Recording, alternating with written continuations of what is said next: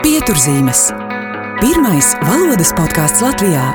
Runāsim, diskutēsim, dalīsimies un domāsim latviešu par latviešu. Labdien, klausītāji! Mans vārds ir Aiga Veckalne, un es priecājos ar tevi tikties pieturzīmēs. Paldies, ka klausies, atbalsti, dalies pārdomās un iesaki citiem. Īpašs sveiciens mūsu patroniem. Šajā raidījumā tiekos ar pasaules apceļotāju un grāmatas nekaunīgais pingvīns autori Zanu Eniņu. Zanas īpašo stāstu par ceļojumu uz Antarktīdu ir dzirdējuši daudzi, taču šodien, kā jau pieturzīmēs ierasts, parunāsim par valodas jautājumiem un rakstniecības procesu vispār. Sveika, Zane! Es esmu sveicināta! Paldies, ka piekriti sarunai! Paldies, ka uzaicināji! Man rokās tagad ir tevis parakstīts grāmatas eksemplārs, un es ar lielu prieku lasīju un pārlasīju tavas ceļojuma piezīmes. Tas prieks bija tikpat liels kā toreiz, pirms vairākiem gadiem, kad tu dalījies ar šiem iespaidiem uzreiz blogā, un es sekoju līdzi tavām gaitām.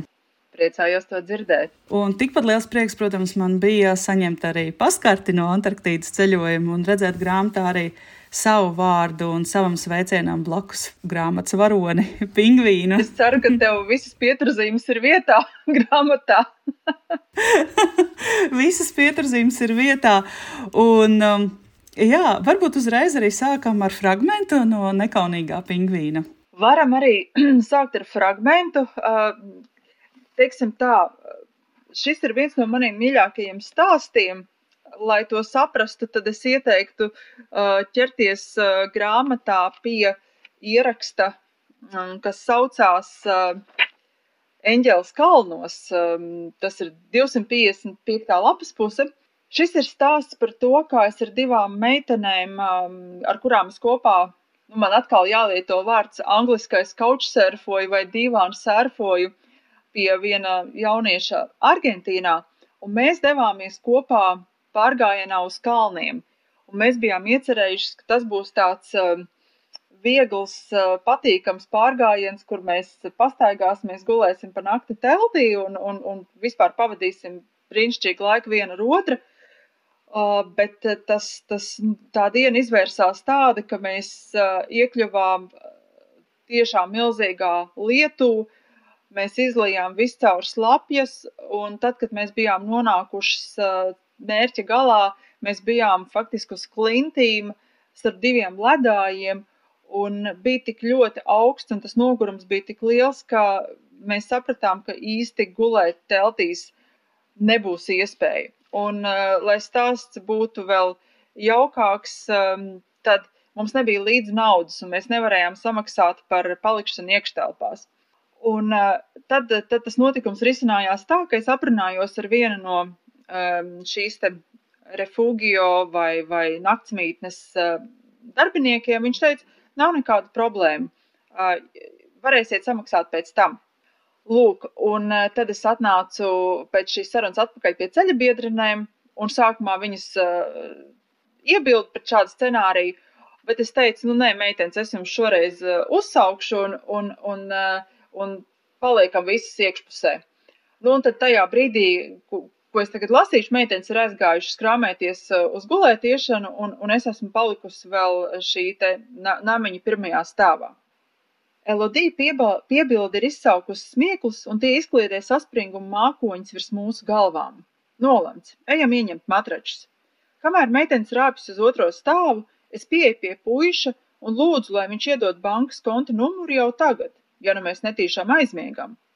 Hmm, Man vajadzētu kādu garantiju, apliecinājumu, ka tu patiešām samaksāsi, viņš domīgi saka. Bet man līdzi nav ne naudas, ne dokumentu.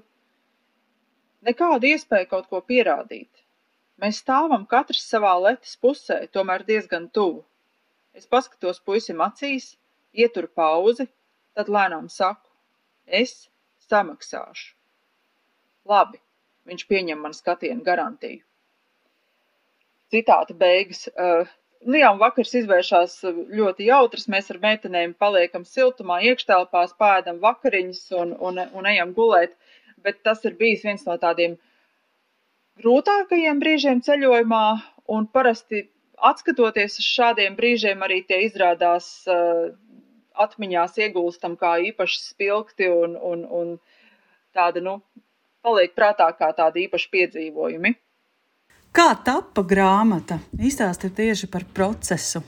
Jā, šīs, šīs grāmatas tapšana nebija gluži klasisks stāsts. Un tāpēc es joprojām nevaru atbildēt uz tādu jautājumu, nu kā tad ir uzrakstīt grāmatu, kad tu piecelies no rīta un tad, tad tu sāc rakstīt un, un, un uh, ir kaut kāda speciāla rituāla un dienas uh, gaitas, jo manā gadījumā grāmatas tapšana nozīmēja bloga ierakstu um, apkopošanu, izvērtīšanu, pārskatīšanu, izsijāšanu, un tad tas viss transformējās grāmatā. Jo tajā brīdī, kad es ceļoju, Eh, es vienmēr pierakstu piedzīvoto un sajūtas um, blogā. Jo ilgstoši ceļojot, ir svarīgi to darīt regulāri. Es to daru katru dienu, jo citādāk šīs te emocijas aizmirstas un ir grūti atsaukt atmiņā kaut vai pirms nedēļas notikušo, nerunājot par gadu vai divus gadus seniem notikumiem. Un tā kā šis stāsts ir pilnīgi dokumentāls, tad, eh, tad, jā, tad es esmu ņēmusi par pamatu šīs bloga piezīmes un ir no jauna tapis ievads nobeigums. Un eh, vietām šādi tādi papildinājumi, bet jā, pamatā ir eh, bloga piezīmes. Tu pati grāmatā raksti, ka vienmēr jūties nekomfortabli, kad es iekavēju rakstu darbus. Tā kā tev tiešām ir tāda rakstīšanas rutīna ceļojumā. Kā tu to panāci? Īpaši tajos brīžos, kad tu ceļo no vienas vietas uz otru, vai varbūt, kad nav interneta. Kāda ir tava ikdiena arī šīs ceļojuma piezīmes veicot? disciplīna, disciplīna un vēlreiz disciplīna. Bet, um, ja tā nopietni, tad um, Es rakstu šīs ceļojuma piezīmes um, tam dēļ, ka tas dod kaut kādu pievienoto vērtību ceļošanai. Es ceļoju li lielākoties viena, un tad cilvēki man ir teikuši, nu vai tad tev nav garlaicīgi, tas taču tomēr uh, ceļojot bieži vien gribās ar otru cilvēku padalīties sajūtās un iespaidos, tad ir tā, ka šo rakstīšanu es savā ziņā arī dalos ar cilvēkiem savos iespaidos un pieredzētajā, tikai es to daru rakstiski, nu, un vairāk nekā ar vienu vai diviem ceļabiedriem. Es to daru ar saviem blogu lasītājiem. Un parasti tā, tā ikdiena ir tāda, ka ja vien dienas noslēgumā man ir iespēja rakstīt, tas nozīmē ir gan praktiski, gan, gan uh, fiziski tas iespējams, jo jo dažreiz ir tā, ka tu esi vai nu tik ļoti pārguris, vai arī ir tik ļoti aizraujošs vakars, nu, piemēram, tajā vakarā ir koncerts, ko es noteikti gribu apmeklēt. Nu, skaidrs, ka es uh, došu priekšroku koncertu apmeklējumam, nevis rakstīšanai, nu, lai gan ir bijis arī citādāk.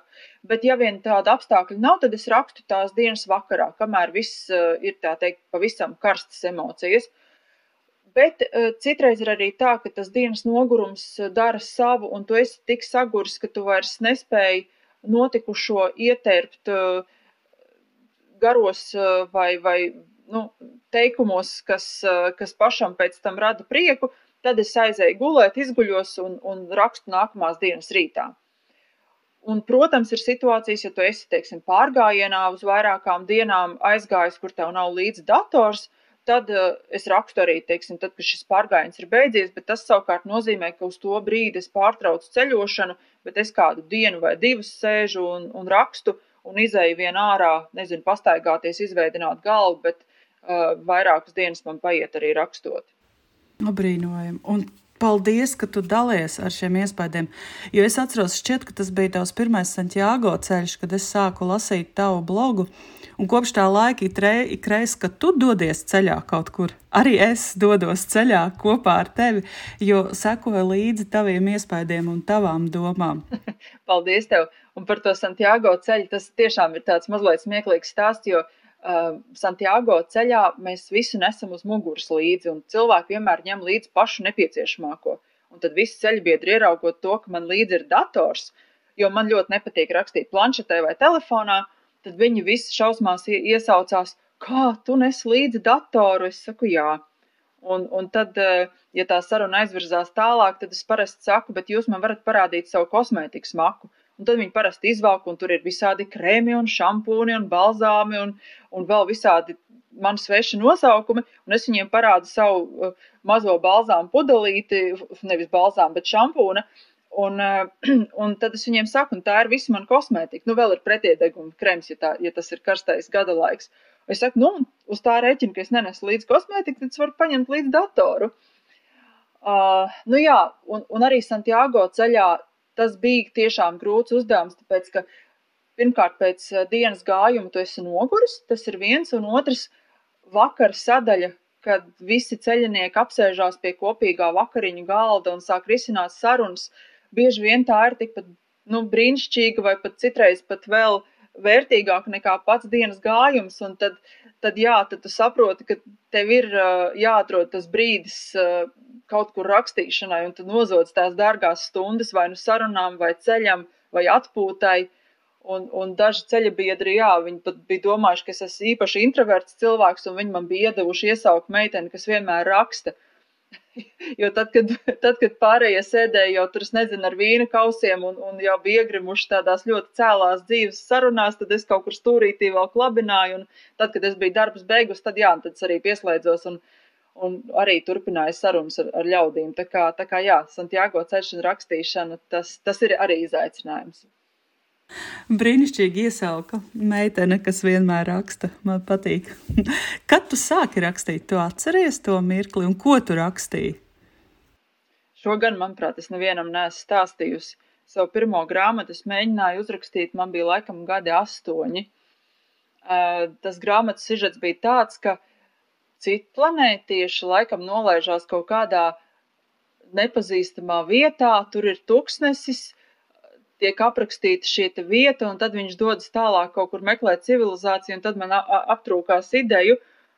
Un, jā, es laikam parādīju šo skici kaut kādam pieaugušiem, bet toreiz es nesaņēmu tādu lielu atbalstu, bet drīzāk kaut kādu tur tekstu par to, ka tev ir kaut kas cits jādara, nevis jāraksta muļķības.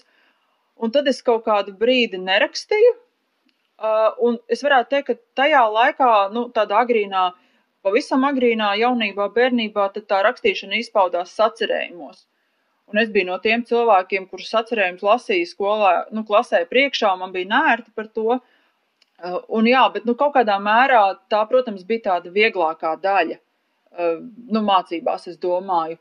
Jo, jo rakstīšana man padevās uh, ļoti viegli, bet tā, un tad es sāku rakstīt nu, preses relīzes un, un stratēģijas un uzsaukums tautai, kas, ir, kas bija vajadzīgi mārketinga un komunikācijas vajadzībām darbos, kuros es strādāju, bet tādu domu izpausmju, uh, domu izpausmes es sāku rakst, pierakstīt blogā pirms deviņiem gadiem un mēneša aptuveni. Jo doma par blogu man bija jau sen, un es tajā laikā vēl strādāju. Šis uh, mans blogs, mugursom.lv, neradās kā ceļojuma blogs. Viņš radās kā vietne, kurā es varētu paust uh, savus domas, uzskatus, dalīties ar to. Tajā brīdī man tas šķita svarīgi. Un tad es sāku rakstīt jā, par kaut kādām lietām, kas uh, mani kaut kādā vērā aizķer, aizkustina, kur man ir ko teikt. Un drīz vien es uh, sāku ceļot, un tad, protams, šis bloks pārtapa par ceļojumu piezīmēm, un tāpēc uh, nu, 90% satura šai blogā šobrīd ir par ceļošanu.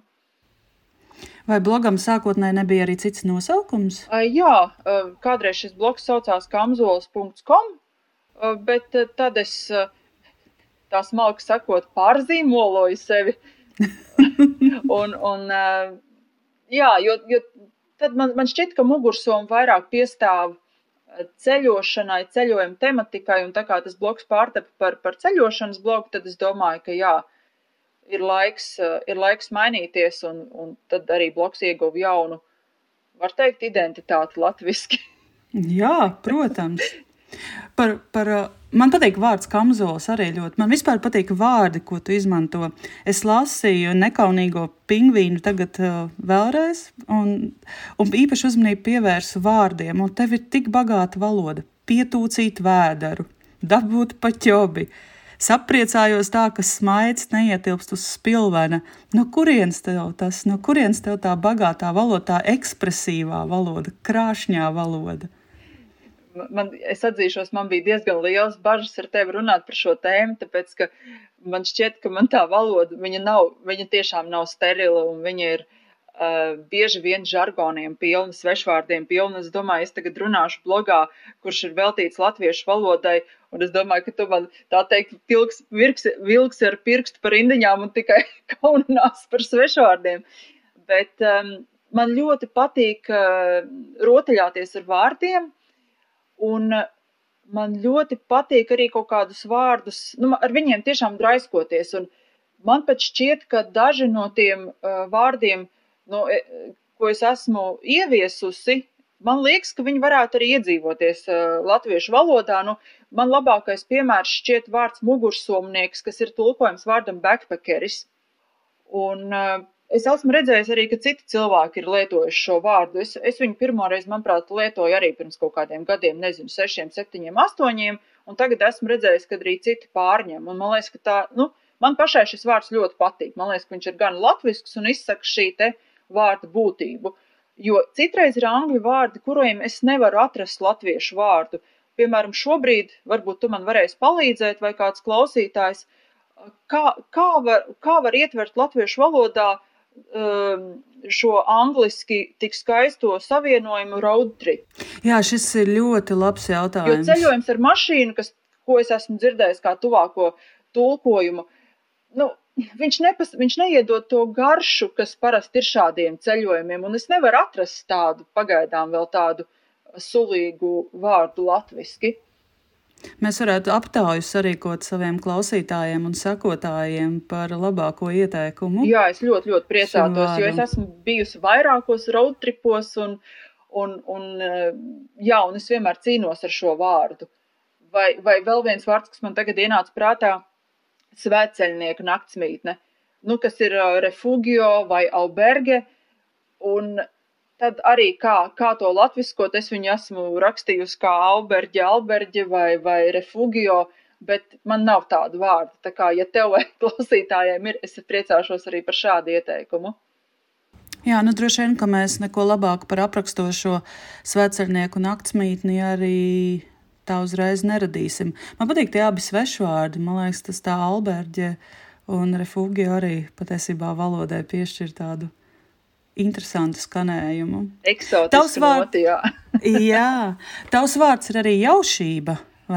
Jā, arī jaušība. Nu, tā, tā vairāk ir tāda arī draiskošanās, jo tad, kad mums dzīvē notiek kaut kāda tāda īpaša sakritība vai kaut kāds neticams piedzīvojums, uh, Parasti mēs sakam nejaušība, bet man patiesi šķiet, ka tā ir drīzāk jaušība, nevis nejaušība, ka liktenis ir izspēlējis kaut kādas tādas humoru notikumus un, un tā, jā, es, es esmu jaušību kolekcionārs vai, vai jaušību fans, tad, kad tu sāc runāt ar cilvēkiem, pirmajā brīdī viņiem pat šķiet, nu nē, ar mani nekas tāds nav noticis, bet tad tu sāc prasīt, un, un cilvēks sāk atcerēties, un, un beig, beigās izrādās, ka katram dzīvē ir, biju, ir tādi vairāki neticami stāsti par to, kā kāds kādu kaut kur saticis, vai, vai kāds kaut ko ir vēlējies, un tas ir ticis ātri piepildīts.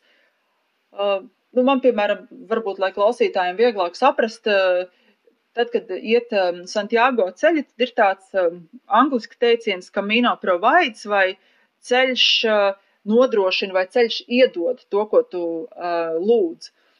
Un man bija ļoti prozaiska situācija ar to, ka kādā trešajā ceļojuma nedēļā es sapratu, ka man ir izauguši rokām nagi un gribētos viņus apgriezt, bet man nav šķērīts. Un tad es, es gāju tādās pārdomās, vai man pirkt no jauna kaut kādu priekšmetu, kas tomēr jānes, vai tomēr lūgt aizņemties no kāda, kad kosmos man to atri, atrisināja pavisam negaidītā veidā. Uh, nākamās dienas rītā, ejot pāri kalniem, man taciņas vidū bija nolikts pilnīgi jauns nagu šķērīts, nagu naiblītes.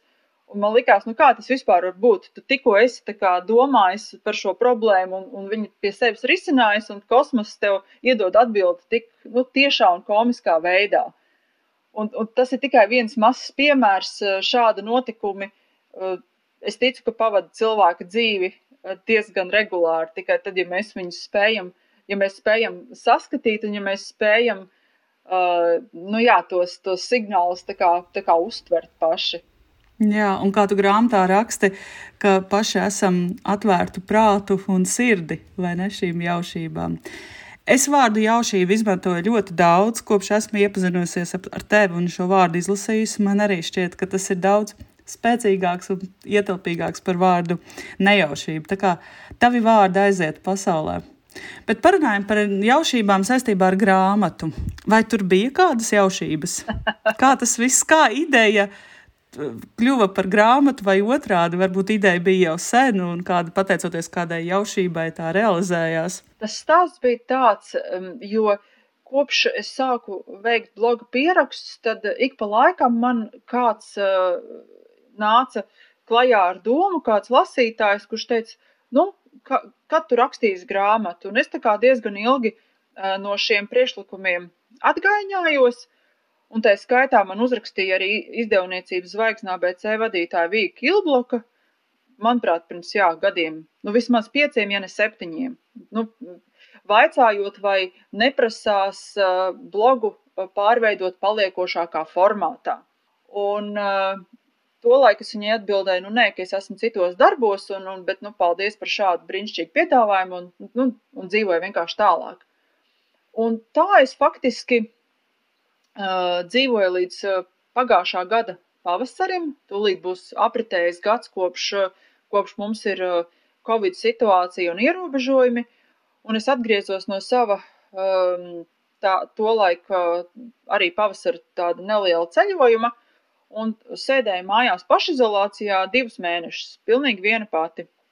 Un tad, tad bija uz to laiku robežas gandrīz slēgtas, un es sāku pārdomāt tos savus piedzīvojumus, ceļojumus.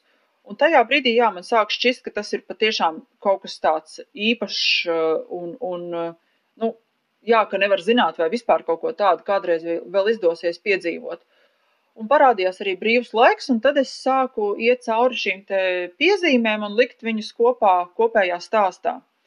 Un es biju jau tikus pie tāda, teiksim tā, manuskripta skices, pie manuskripta skices, bet es nebiju īsti laimīga ar rezultātu. Un man šī skice stāvēja datorā kādu laiku. Un, un man jau likās, ka es varbūt vispār viņu tur arī paliks un ka nevajag un nav jau nemaz tik labi un tā. Un tad, un tad tā jaušība bija tāda, ka es uh, sapnī redzēju uh, izdevēju Vīju Kilbloku un viņa man sapnī prasa, nu, uh, jā, nu tad, tad Zana, kur tad ir tas tavs manuskripts un tā. Un, un es, jā, es viņai te sapnī stāstu par to, ka, nu, jā, ka es esmu uzrakstījis, bet kautrējos iesniegt, bet viņa saka, nu, ko tu tur ņemies, nu, dod šurp to manuskriptu. Un tad, kad es no rīta pamodos, es domāju, nē, nu, laikam jau tā ir kaut kāda zīme. Un, un tad, tad es dzīvē arī piezvanīju Vijai Kilbokai, un, un tieši tāpat kā sapnī viņa man, protams, teica, ka, lai es sūtu uzrakstīto uz izdevniecību, to es arī tajā pašā dienā izdarīju. Un, jā, un tad sākās šis praktiskais darbs jau ar, ar, ar redaktoriem, korektoriem, māksliniekiem. Jā, un tas, tas process aizgāja tādu, nu, savu tādu vieglu plūdumu, bet Bet tas, eh, es nezinu, vai es būtu saņēmusies aizsūtīt. Nu, var jau būt, ka būtu, bet katrā ziņā šāds zīmīgs sapnis eh, man palīdzēja. Eh, nu, bija tāds kā grūdienis, lai, lai es šo grāmatu iesūtītu izdevniecībai. Kā tev gāja ar korektoriem un redaktoriem? Man gāja ļoti labi, jo galvenais cilvēks, ar ko es kontaktējos tieši par teksta jautājumiem, bija redaktore Elīna Vanaga. Un um, tās, tās uh, pirmās lapas puses bija tāda savstarpēja uh, uzticības pārbaude vai taustīšanās, jo mēs vienu otru nepazinām. Un tad viņi man atsūtīja, jā, uh, jau nu, ar iezīmēm, viņi man smalki pamatoja katru izmaiņu, kāpēc šeit būtu labāk stilistiski teikt citādāk, vai kāpēc šis vārds ir jāizvieto uh, vai kāpēc es kaut kur esmu ielikusi lieku komatu vai komatu neesmu ielikusi. Un tad es vienā brīdī Elīnai teicu, es saku, Klau, visi uh, ieteikumi, kurus tu esi veikusi, man šķiet ļoti pamatoti, braucam uz priekšu, nu, un, un uh, es uzticos tam, ko tu raksti. Ja būs kaut kādas uh, vietas, kur nevarēs saprast, ko es esmu domājusi, vai, vai būs šaubas, tad, protams, dod man ziņu un kopīgi izlemsim, bet par komatiem un par, par sinonīmu aizvietošanu vai angļu nosaukumu latviskošanu es pilnīgi tev uzticos un, un, un darbojies. Un jāteic, ka, jā, ka tāpēc šis process bija ārkārtīgi vienkāršs un, un, un uh, mums vispār nebija tādu nesaskaņu. Bija varbūt pāris vietas, kur uh, es, es gribēju, jā, lai, lai paliek uh, tā, tā mana oriģinālā versija, un tur arī, tur arī pie, pie manas versijas mēs palikām. Tā kā, tā kā jā, man gāja viegli, bet, protams, ka šis uh, darbs ir apjomīgs, vairāk nekā 500 lapas puses, tāpēc es jau šobrīd zinu, ka tur ir vismaz sešas drukas kļūdas. Tā kā, ja kāds klausītājs pamana vai to aiga pamana, droši sūtiet man, jo es ceru, ka, protams, šī grāmata šogad pieredzēs arī atkārtot izdevumu, un tad mēs varēsim šīs kļūdas novērst. Lielisks uzsākums. Jo, protams, drukas kļūdas tā ir pilnīgi normāla parādība, un katrā drukātā izdevumā tādas ir. Cik vien cilvēks ir drukājusi kaut ko, ir arī drukas kļūdas. Starp citu, tas, ko stāstīja par sadarbību ar redaktoru, izklausās tiešām pēc lieliskas sadarbības un tādas lieliska kopējā darba. Man bija jautājums, ko jūs darījāt ar šiem mm, svešajiem vārdiem vai šiem svešajiem aizgūmiem?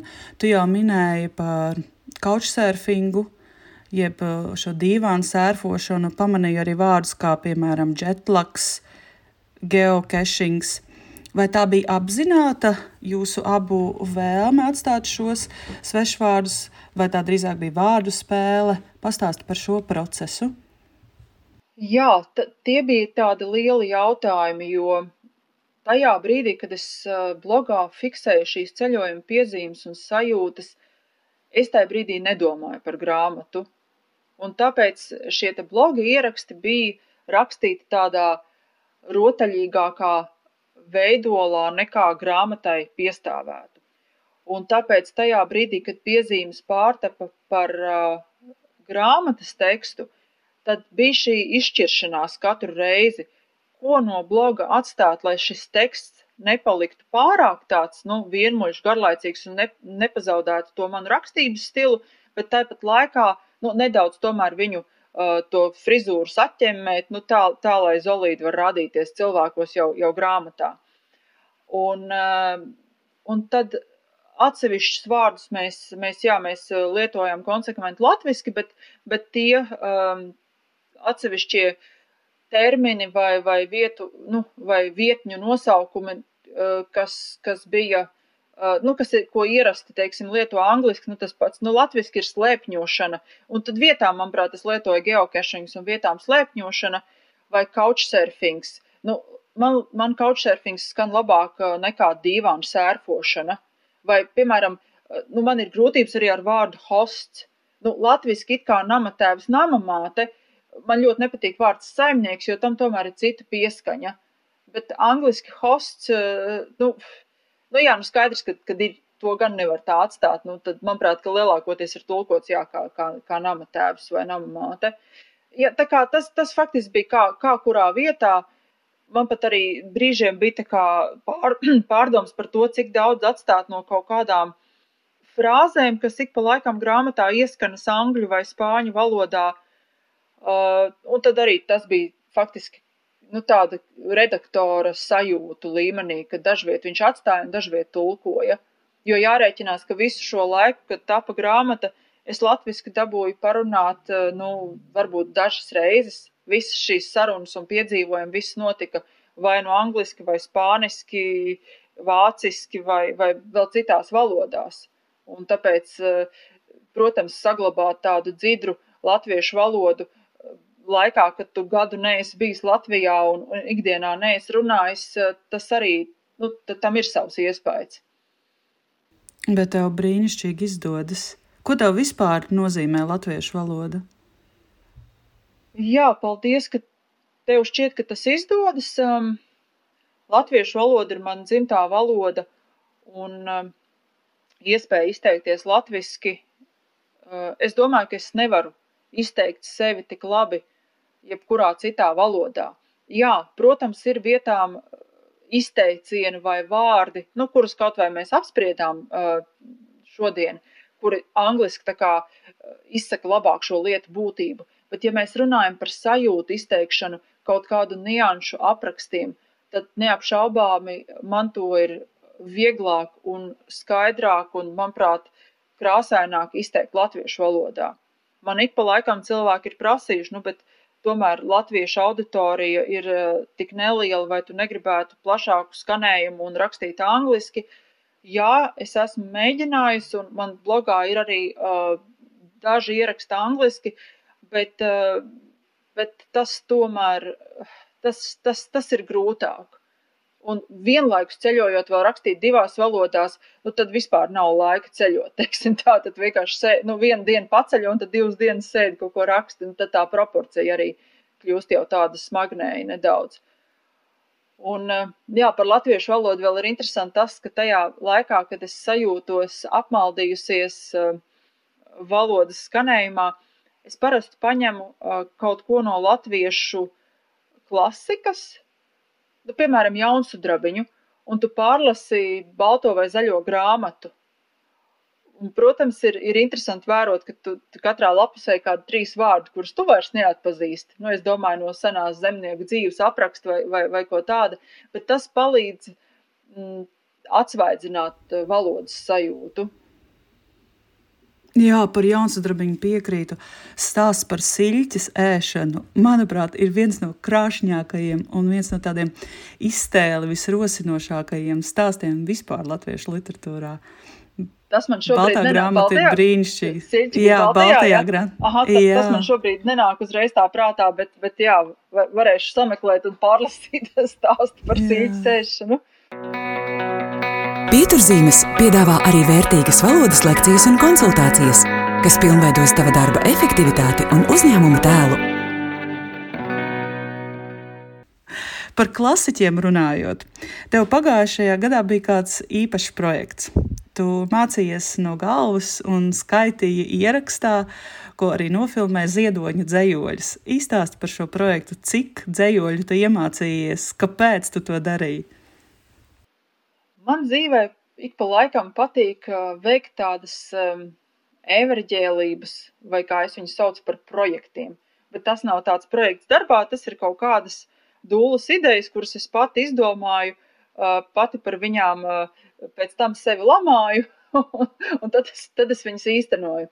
Un tevis pieminētais projekts bija tāds, ka nu, Imants Ziedonis uh, ir uh, mans vistuvākais dzēnieks latviešu valodā, Un uh, man ir bijis arī tas uh, gods viņu pazīt dzīvē, un, un, un runāties, un, un uh, būt uh, arī man ziedoņa diškoku atbrīvotāju grupā uz īsu brīdi. Un, uh, un jā, un, un ziedoņa dzēja man ir kaut kas nu, tā, ka tu viņu lasi, un tu domā, nu kā viņš varēja tik precīzi saprast un just, uh, ko es tajā brīdī jūtu, un tad tu paskaties, ka viņš šo dzējoli ir uzrakstījis tajā gadā, ka tu vēl vispār ne, nebija piedzimis, tad liekas, vispār kaut kāda pilnīga maģija.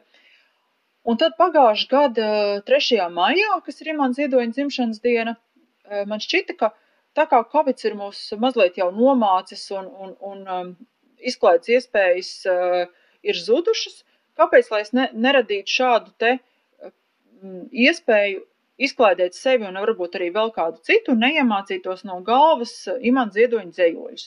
Un tā kā šogad Imantam Ziedonim palika 88 gadi, kas ir divas bezgalības, tad es izdomāju, ka tie būs 88 dzējoļi līdz pagājušā gada beigām. Nu, un tad uh, pagāja vasara vienā steigā, viņš uz zemes, es debesīs kaļ, un es sapratu, ka rudenī es iemācīsies tieši 20 dzējoļus. Un līdz gada beigām es vienā brīdī sarēķināju, ka, jā, ka man ir nu, gandrīz vai katru dienu jāiemācās pa dzējolim. Bet tad es arī tā arī skatījos uz to lietu, ka, ja es iemācīšos katru dienu vienu dzējoli, es paspēšu. Nu, un ja nepaspēšu, nu neviens jau man tā teikt publiski nesunīs, nu pa, pats jau tas soģis viens sev esi. Bet jā, ar šo, ar šo skatījumu, ka katru dienu vienu dzējoli, un ja tā diena ir ļoti aizņemta, un tu vakarā attopies, ka tu neesi ierakstījis, tad es izvēlos īsu dzējoli un, nezinu, ierakstu viņu stāvot zem lampas mājā, jo citiem dzējoļiem es centos kaut kur speciāli braukt un meklēt piemērotu fonu vai tematisku, tad uz beigām, protams, tā, tas radošums mazliet apsīka, un es vēl saslimu ar covid un nekur nevarēju braukt, un tad es, tad es sēdēju mājās, nu, un pie kura pakšu nu ierakstīju, nu, pie tā arī bija labi. Izdarīju labāko, ko es uz to brīdi varēju izdarīt, teiksim tā. Pirmkārt jau um, pirmkārt jau atgādinājumu par to, cik imants ziedoņa dzēja ir daudzpusīga, uh, dziļa, jautra, uh, nu, tāda priecīga un sajūta pilna. Nu, viņš viennozīmīgi ir mans dzēnieks. Tas nenozīmē, ka man nepatīk citi dzēnieki. Jā, man ļoti patīk arī, arī Ojārs Vācietis un, un, un, un nezinu, arī Elksne un, un arī, nu, cilvēki, kas mūsdienās jau te, te šo to raksta, bet, nu, ziedonis man ir vistuvākais, un tāpēc, jā, Ko tev tas deva? Atgādinājums par to, cik viņa dzēja ir, ir, ir precīza. Un, nu, man lika, nu, tas pirmkārt, savu, savu ikdienu padarīja interesantāku, un, un es ceru, ka vēl kāda cilvēka, kad kāds uh, ieskatījās uh, dzējas grāmatās biežāk uh, nekā līdz tam. Un uh, vēl viens tāds apakšmērķis šim uh, projektam bija tāds, ka es lāga nemācēju apieties ar video, jo es biju savu līdzšanējo um, darbību vairāk fokusējusi uz rakstīšanu un arī fotografēšanu, bet ar video manas attiecības bija tādas diezgan saltas. Un, uh, ar šo projektu es iemācījos montēt video. Lieliski iegūmi. Starp citu, dzēju, dzējoļu mācīšanos no galvas arī vienmēr iesaka kā tādu labu paņēmienu, kā bagātināt vārdu krājumu un kā mācīties kādu valodu. Jā, piekrītu. To noteikti var izmantot arī, arī šādā veidā, jo nu, vispār jau lasīšana ir tā, kas veido valodu. Un tas, ko, ko tu man sākumā jautāji, uh, to, nu, teiksim, no kurienes ir veidojusies mana valoda, es visu bērnību tikai un vienīgi lasīju, varētu teikt. Nu, protams, labi, tu kaut, kaut, ko, kaut ko dari, nu, ko jau bērns savā ikdienā dara, skola, mājas, bet, bet viss mans brīvais laiks aizgāja lasot. Nu, tās bija tās izklaides, kas mūsu laikos bija pieejams, kad mēs augām, ja. un, un, eh, nu, kaut kādu pozitīvu ietekmi tas ir radījis, un, un ko es vēl nesen domāju, cik cik interesanti ir tas, ka man bija tādā, nu, agrīnajā bērnībā man bija periods, kad es lasīju tikai pasakas, tie bija kaut kādi vairāk gadi. Un, eh, nu, no vienas puses tev liekas, nu jā, tu tur lasi pasakas un tas tā bērnišķīgi, bet es pēc tam sapratu, ka patiesībā, īpaši, ja tu lasi arī dažādu tautu pasakas, nu viens, protams, ir šī gudrība, kas ir iekodēta pasakās, bet otrs ir arī eh, vārdu bagātība, jo nezinu, tu lasi pasaku, un tev ir skaidrs, kas ir bajārs vai stārasts vai vēl kaut kas. Un, eh, jā, mūsdienās tu nebrīnies, ka, teiksim, tu lasi par kaut kādu polijas vēsturi vai vēl kaut ko, tu sastopies ar šādiem vārdiem, un tu saproti, ka tu ar viņiem esi uzaudzis, tāpēc, ka šie vārdi ir parādījušies pasakās. Bet, par, ja runājam par valodas mācīšanos, tad tas, kā es savulaik mācījos, eh, jo īpaši angļu valodu, es viņu mācījos no dziesmu tekstiem. Um, centos, nu, tajā laikā nevarēju tā aiziet, ieiet internetā un paskatīties, bet es eh, kopēju dziesmu vārdus, vāciņus, uh, uh, jā, un tad es tulkoju pa vienam vārdam, nezinu, visus Queen albumus un, un, un, un, un vēl, vēl šādi tāds mūziķis, un, un jā, no, no, tā, no dziesmām, manuprāt, var brīnišķīgi mācīties valodas arī. Jā, un tiem, kuri nolēma arī pamēģināt kādu dzējoli no galvas iemācīties, kādi ir tavi ieteikumi, knifi, kā to izdarīt ātri un iedarbīgi? Es pieņemu, ka katram būs kaut kāda sava pieeja. Tagad domāju, jo tas ir interesanti, jo, piemēram, bija dzējoļi, tādi nu, pamatīgi gari dzējoļi, kur man ieskrēja galvā nu, kā tāds uh, vēja pūtiens, un bija dzējoļi ar dažiem pantiņiem, un es viņus, uh, nu, man pa vienu ausu iekšā, pa otru ārā, ne, neturējās galvā. Bet uh, nu, pamazītiņām pa solītim. Jā, nu tu iemācies, teiksim, kaut kādus sākumā kaut kādas dažas rindiņas, un tad nākamās, tad lietas kopā. Kaut kādas asociācijas var veidot ar, ar noteiktiem vārdiem vai ar noteiktu vārdu secību. Citreiz es skatījos, nu, piemēram, visgrūtākie ir tie dzējoļi, kur ir daudz mazie vārdiņi, un, bet, lai arī Un ziedonim ir daži tādi, kur viņš visus viņus lieto un pēc tam pilnīgā tādā uh, savā secībā, nu, nenoteiktā. Un, un tad tev ir jāatrod kaut, galvā kaut kāds savs tas pieraksts, kā tu viņus atceries. Bet, bet, nu, protams, es teiktu, ka tas jau arī nav tik būtiski, ka tu kāda un vietā pasaki tur bet, teiksim. Nu, galvenais, ka to dzējoli vispār esi, esi iemācījies vai pat esi izlasījis. Tieši tā.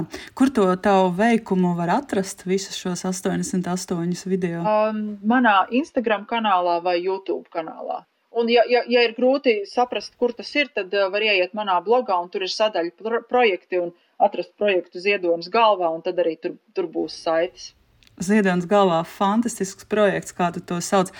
Kas ir tavs nākamais projekts saistībā ar valodu, vārdiem, rakstīšanu?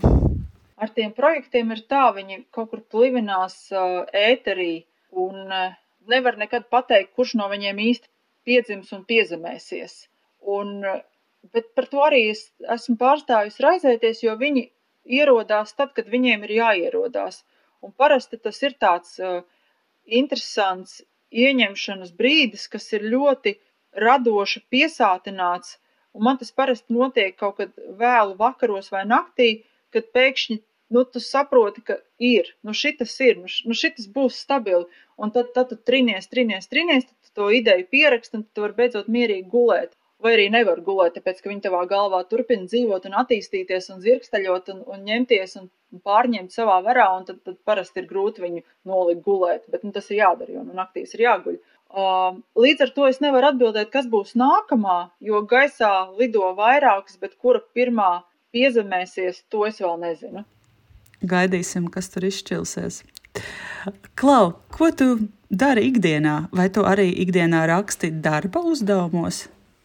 Jā, um, arī šobrīd uh, es turpinu strādāt komunikācijas sfērā, kas nozīmē, ka uh, ir zinām rakstu darbi, kas ir uh, jāveic darba vajadzībām, un, uh, bet tas ir, tas ir daudz, daudz citādāk. Tomēr, ka tu vari rakstīt to uh, tekstu, par kuru tu esi vienīgais kungs un pavēlnieks, uh, kā tas izskatīsies, un to, ka tu raksti tomēr ar kādu specifisku mērķi vai uzdevumu, kur vēl ir, protams, vairāk cilvēki, kas to visu uh, pārskata un, un teiksim, iegriež tā kā, nu, um, pēc sava skatījuma. Tā kā, protams, es domāju, ka šī rakstīšana darba vajadzībām kaut kādā mērā palīdz varbūt uzturēt to, to valodas uh, ritējumu vai sajūtu, bet tomēr nu, tas tā kā ceļot komandējumā vai, vai ceļot uh, ar mugursomu brīvā plūdumā, tā arī man rakstīšana. Tā kā tas, ko es rakstu blogā vai grāmatās,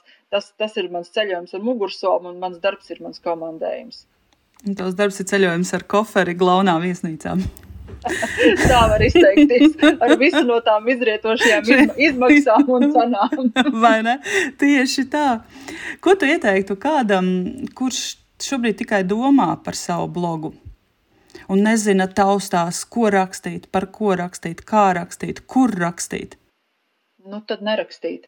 Jo, ja cilvēks vēl taustās un domā, par ko rakstīt, tad nevajag rakstīt.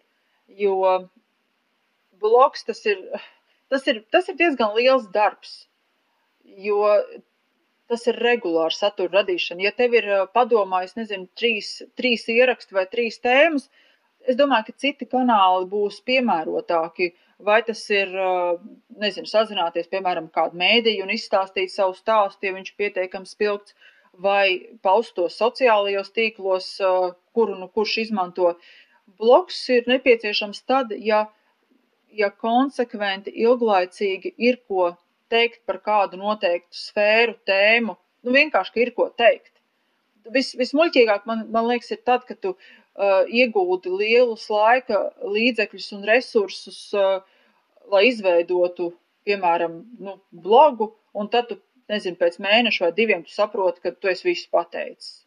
Nu, to var darīt, ja, ja kura darbība principā ir laba un, un eksperimentu rezultātā mēs pie daudz kā nonākam, bet es ieteiktu vienkārši sākt uh, kaut vai šo, šo te, šīs te idejas uh, caur sociālajiem tīkliem stāstīt, un ja tu saproti, ka plūdums neapstājās un tev ir ko teikt, un šis formāts nav īsti, nu, es domāju, sociālajā tīkli nav īsti piemērot, nu jā, tad, tad, var, tad var domāt par to savu, savu blogu. Un, nu, galu beigās teksts jau nav vienīgais uh, formāts. Nu, ir, ir mūsdienās tomēr uh, ir tik populāri vlogi un, un, un uh, var caur fotografijām to pamatstāstu izstāstīt, tā kā tie ceļi ir, ceļi ir dažādi, tā kā katram vienkārši jāatrod tas formāts, uh, kas viņam ir vispiemērotākais.